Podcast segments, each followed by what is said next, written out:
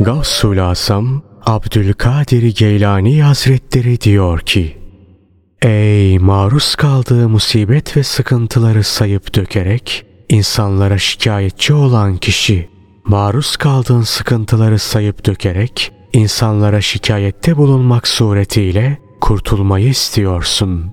Kendilerine şikayetçi olduğun o insanların sana ne faydası dokunur ne de zararı. Sen onlara dayanıp güvendiğin ve izzet ve celal sahibi hakkın kapısında onları Allah'ın iradesine ortak yapmaya devam ettiğin sürece seni Allah'tan uzaklaştırırlar. Onun gazabına uğratırlar ve onunla aranı perdelerler. Hiç işitmediniz mi? Resulullah sallallahu aleyhi ve sellem ne buyuruyor?